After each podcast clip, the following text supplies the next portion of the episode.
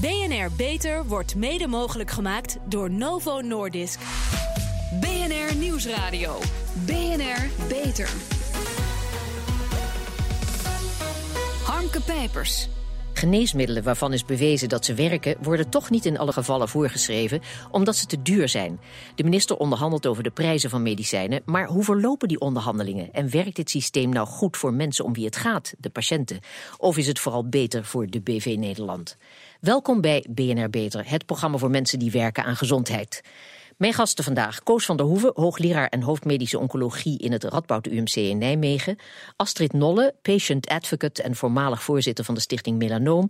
En Merit Boersma, hoofdcommunicatie van de vereniging Innovatieve Geneesmiddelen. We gaan het hebben over de toegankelijkheid van dure medicijnen. Maar in Eindhoven nemen ze die toegankelijkheid wel erg letterlijk. Want als het aan studenten van de Technische Universiteit Eindhoven ligt, vliegen er straks drones door het ziekenhuis. Die moeten het verplegend personeel ontlasten door op snelle en efficiënte wijze medicijnen af te leveren, zakken bloed te vervoeren of een AED aan te leveren. Student Dennis Marinissen gaf BNR-verslaggever Jibel Krant een demonstratie in het testcentrum van de TU. Ik ga hem nu een doosje medicijnen aan de drone geven en dat merkt hij dan vanzelf en zal hij het van me aanpakken. Dan zal hij uh, automatisch zijn weg uh, door bijvoorbeeld de ziekenhuisgang uh, vinden.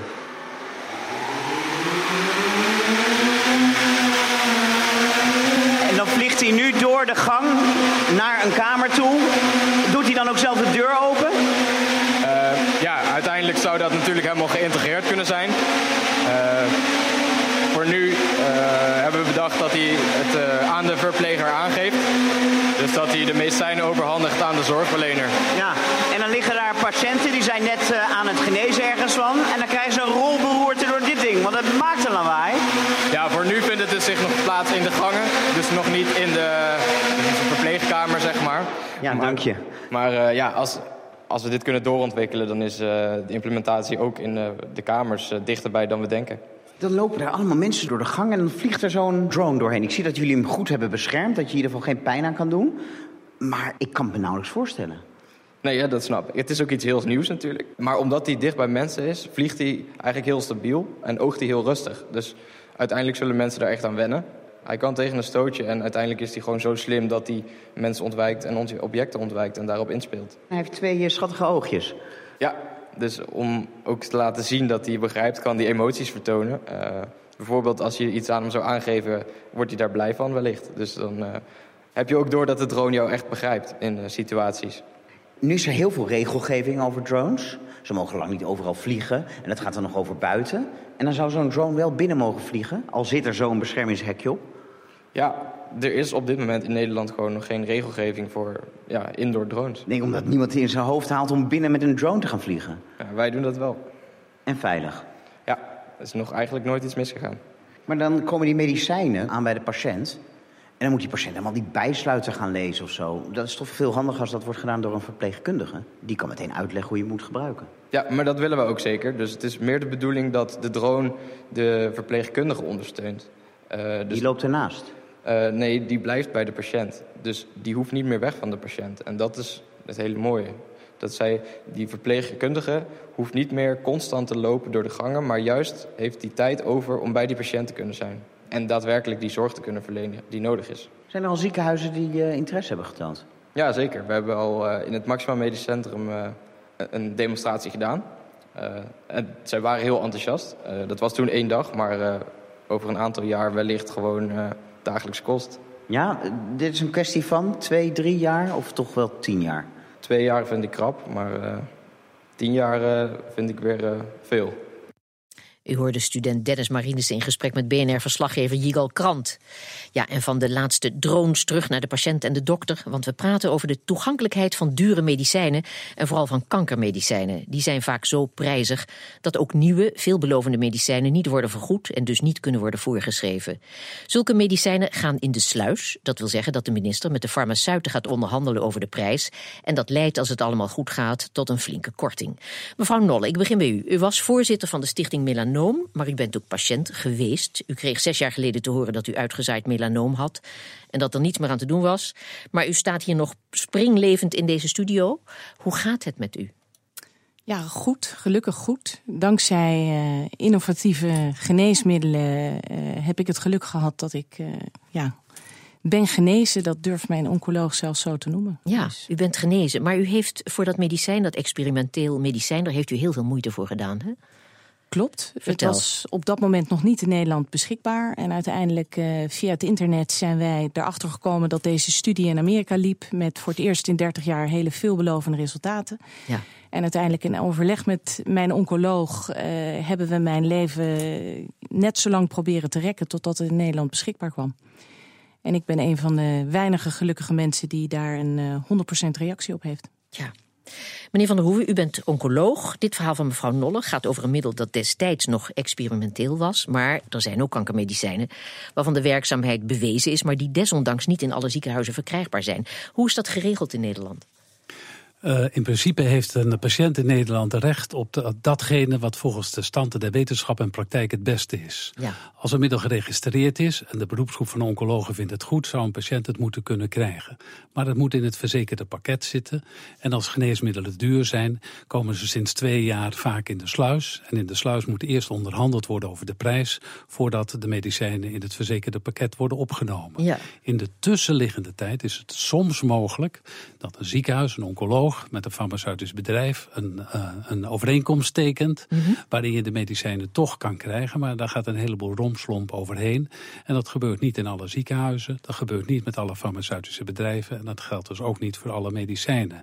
En daarom kan het gebeuren dat het soms wel eens een jaar duurt.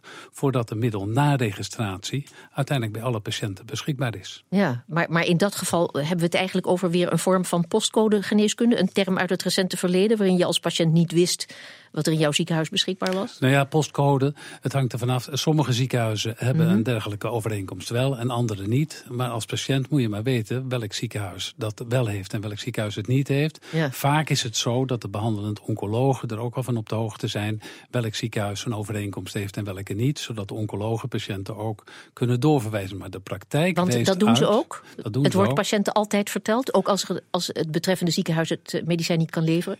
Wij zien dat in de periode dat zo'n middel in de sluis zit, Ja. minder patiënten het medicijn krijgen dan wanneer het middel uit de sluis is. Dat, dat betekent dat niet iedereen het krijgt, terwijl mensen er wel voor in aanmerking zouden hebben kunnen komen. Ja. Mevrouw Nolle, wat zegt dit?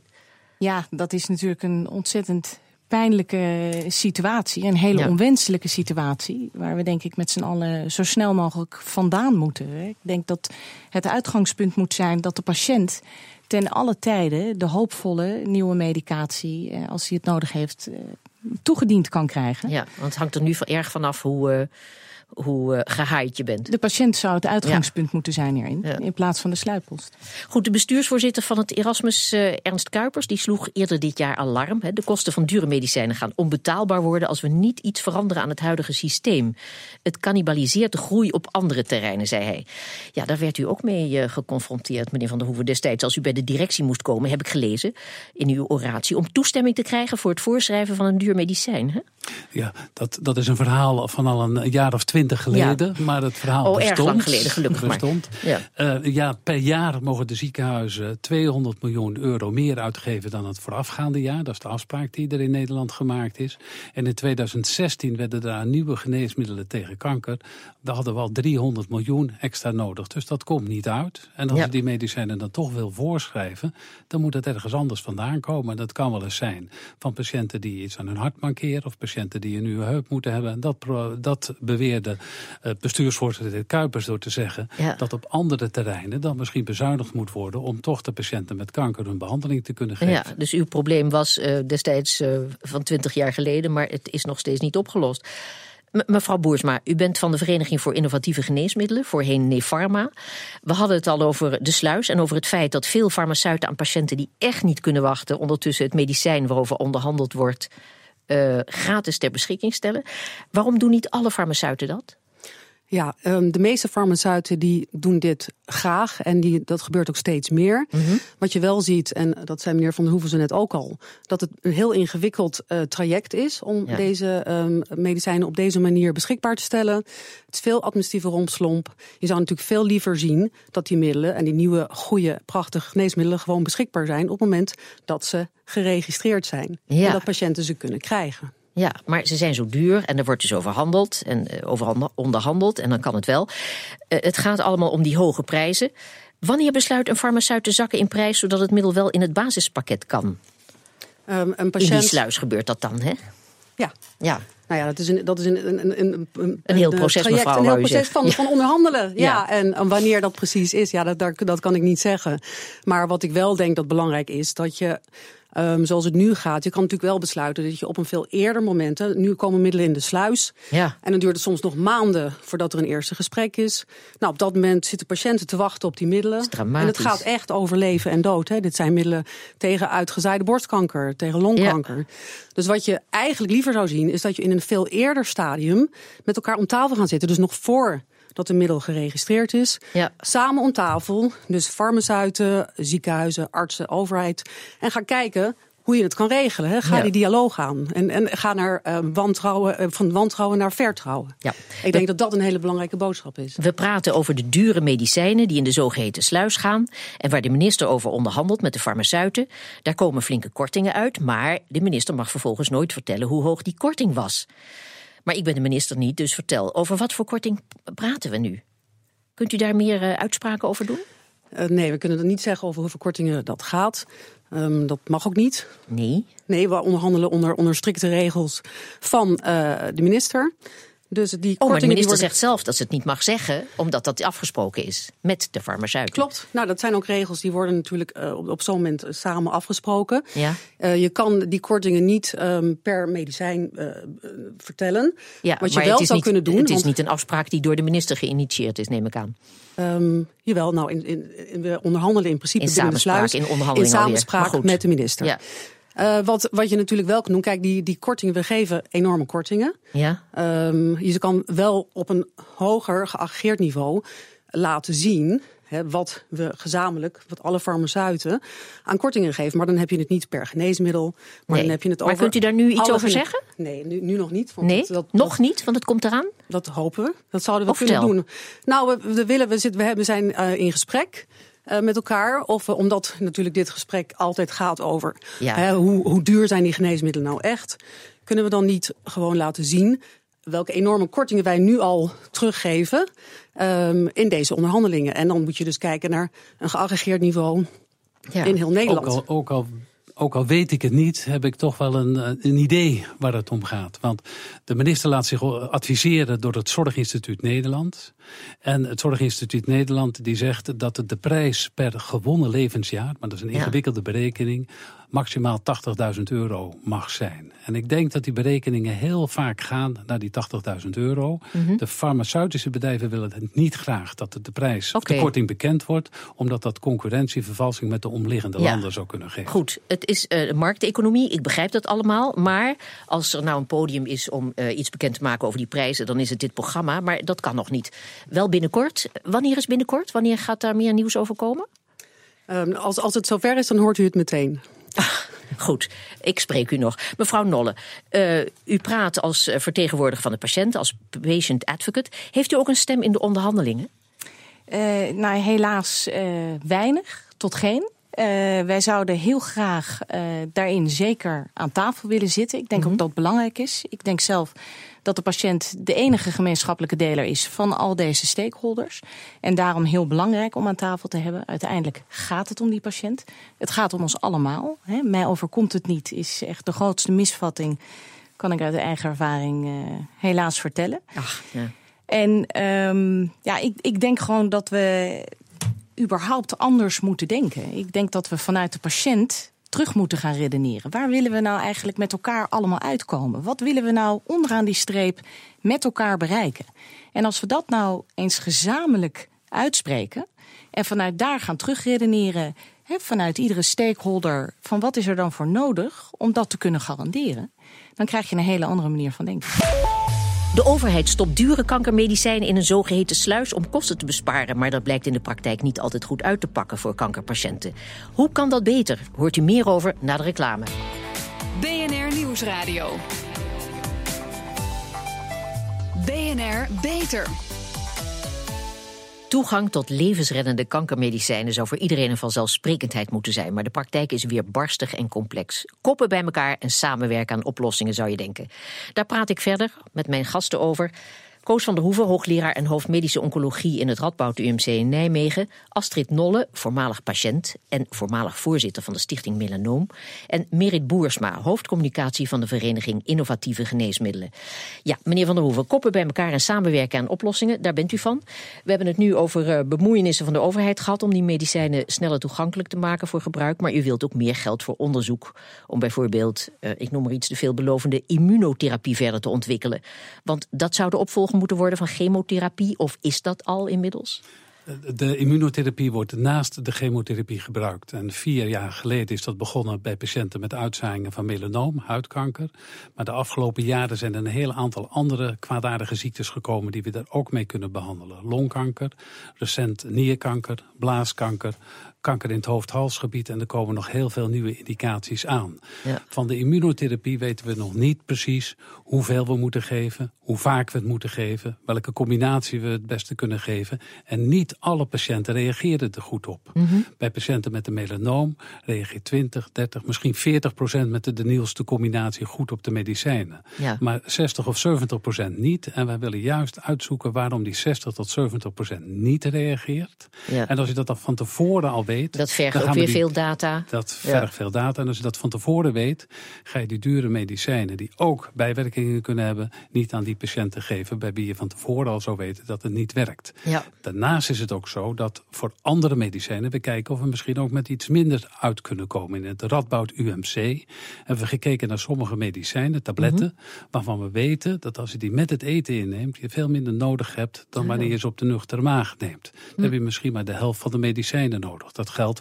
voor nieuwe medicijnen tegen nierkanker. Mm. Als je maar de helft van de medicijnen hoeft te slikken en toch hetzelfde effect hebt, dan heb je de helft van de kosten daar ook maar voor nodig. Dus we moeten kijken of we patiënten kunnen selecteren bij wie het goed werkt en hoe we het zo doelmatig mogelijk kunnen gebruiken. Dat ja. is de bijdrage die de oncologen, de artsen daaraan kunnen leveren. Ja, want dat zijn, uh, dat laatste wat u noemde, dus een innovatie die inderdaad uh, kosten kan gaan besparen.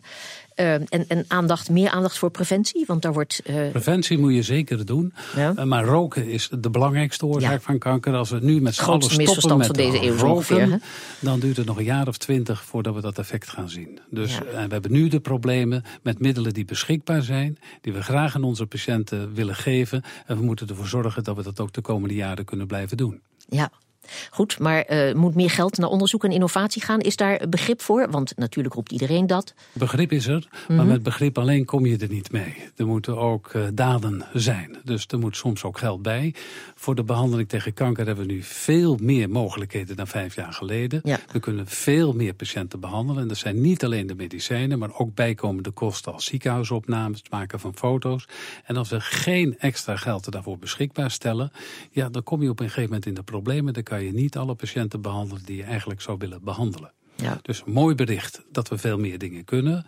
Maar de keerzijde is dat het wel meer geld kost. Ja. Uh, mevrouw Nolle, um, er wordt nog druk onderhandeld, heb ik begrepen. Of misschien al niet meer. Ik weet het niet. Het uh, fluctueert voortdurend. Maar het nieuwe kabinet, de nieuwe minister van, laten we die de minister van Gezondheid noemen, uh, is niet door mij voorgesteld, maar door anderen. Daar ben ik het heftig mee eens. Wat zou uw advies aan de minister van Gezondheid zijn? Nou, mijn advies zou zijn: uh, neem de regie. Dus uh, vanuit de patiënt. En uh, zou ik graag willen voorstellen om met elkaar bij elkaar te komen. Mm -hmm. En vanuit de patiënt terug te gaan redeneren per stakeholder: wat kan jouw bijdrage zijn? Mm -hmm. En dat de minister daar vervolgens mee aan de slag gaat en ook dat proces bewaakt. Ja, want het is natuurlijk de enige partij die desnoods door middel van regelgeving partijen kan dwingen ook op een gegeven moment dingen uit te voeren. Ja. Um, u bent patient advocate, zo hebben we het al genoemd. Hè? Um, u heeft ook uh, contacten met patient advocates, dus strijdbare patiënten of ex-patiënten in het buitenland. Uh, hoe staat het daarmee?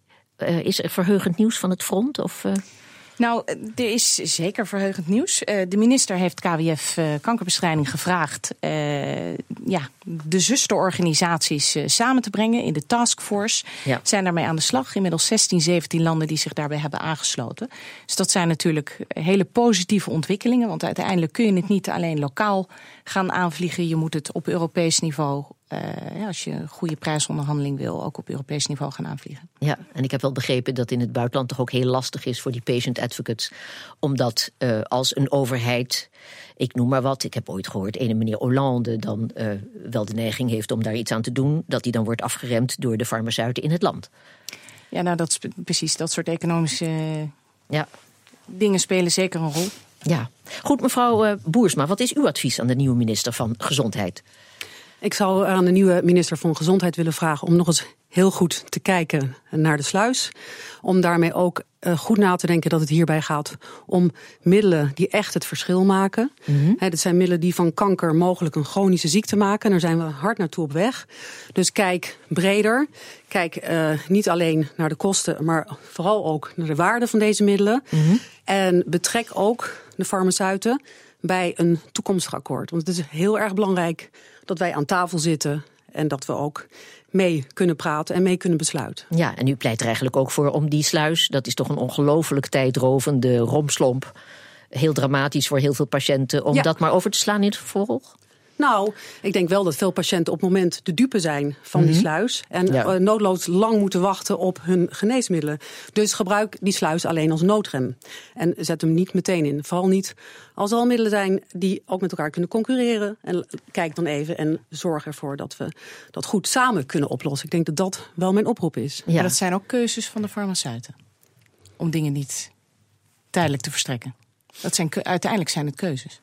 Ja, maar ik denk dus daarom dat die dialoog heel belangrijk is. Mm -hmm. En dat je dus echt snel en goed met elkaar om tafel moet zitten. En ook zorgen dat we voor meer jaren gewoon langdurige afspraken kunnen maken met elkaar. Ja. In een komend akkoord. En meneer Verhoeven? Een advies aan de minister: stop ja. de innovatie. En misschien een reactie niet. op deze.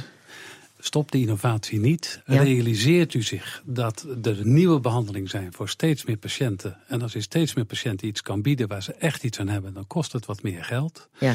KWF Kankerbestrijding heeft in een rapport twee jaar geleden gezegd: maak een apart fonds waaruit de dure geneesmiddelen betaald kunnen worden. Ja. Kan de minister onderhandelen net zo lang totdat de prijs naar haar of zijn zin is.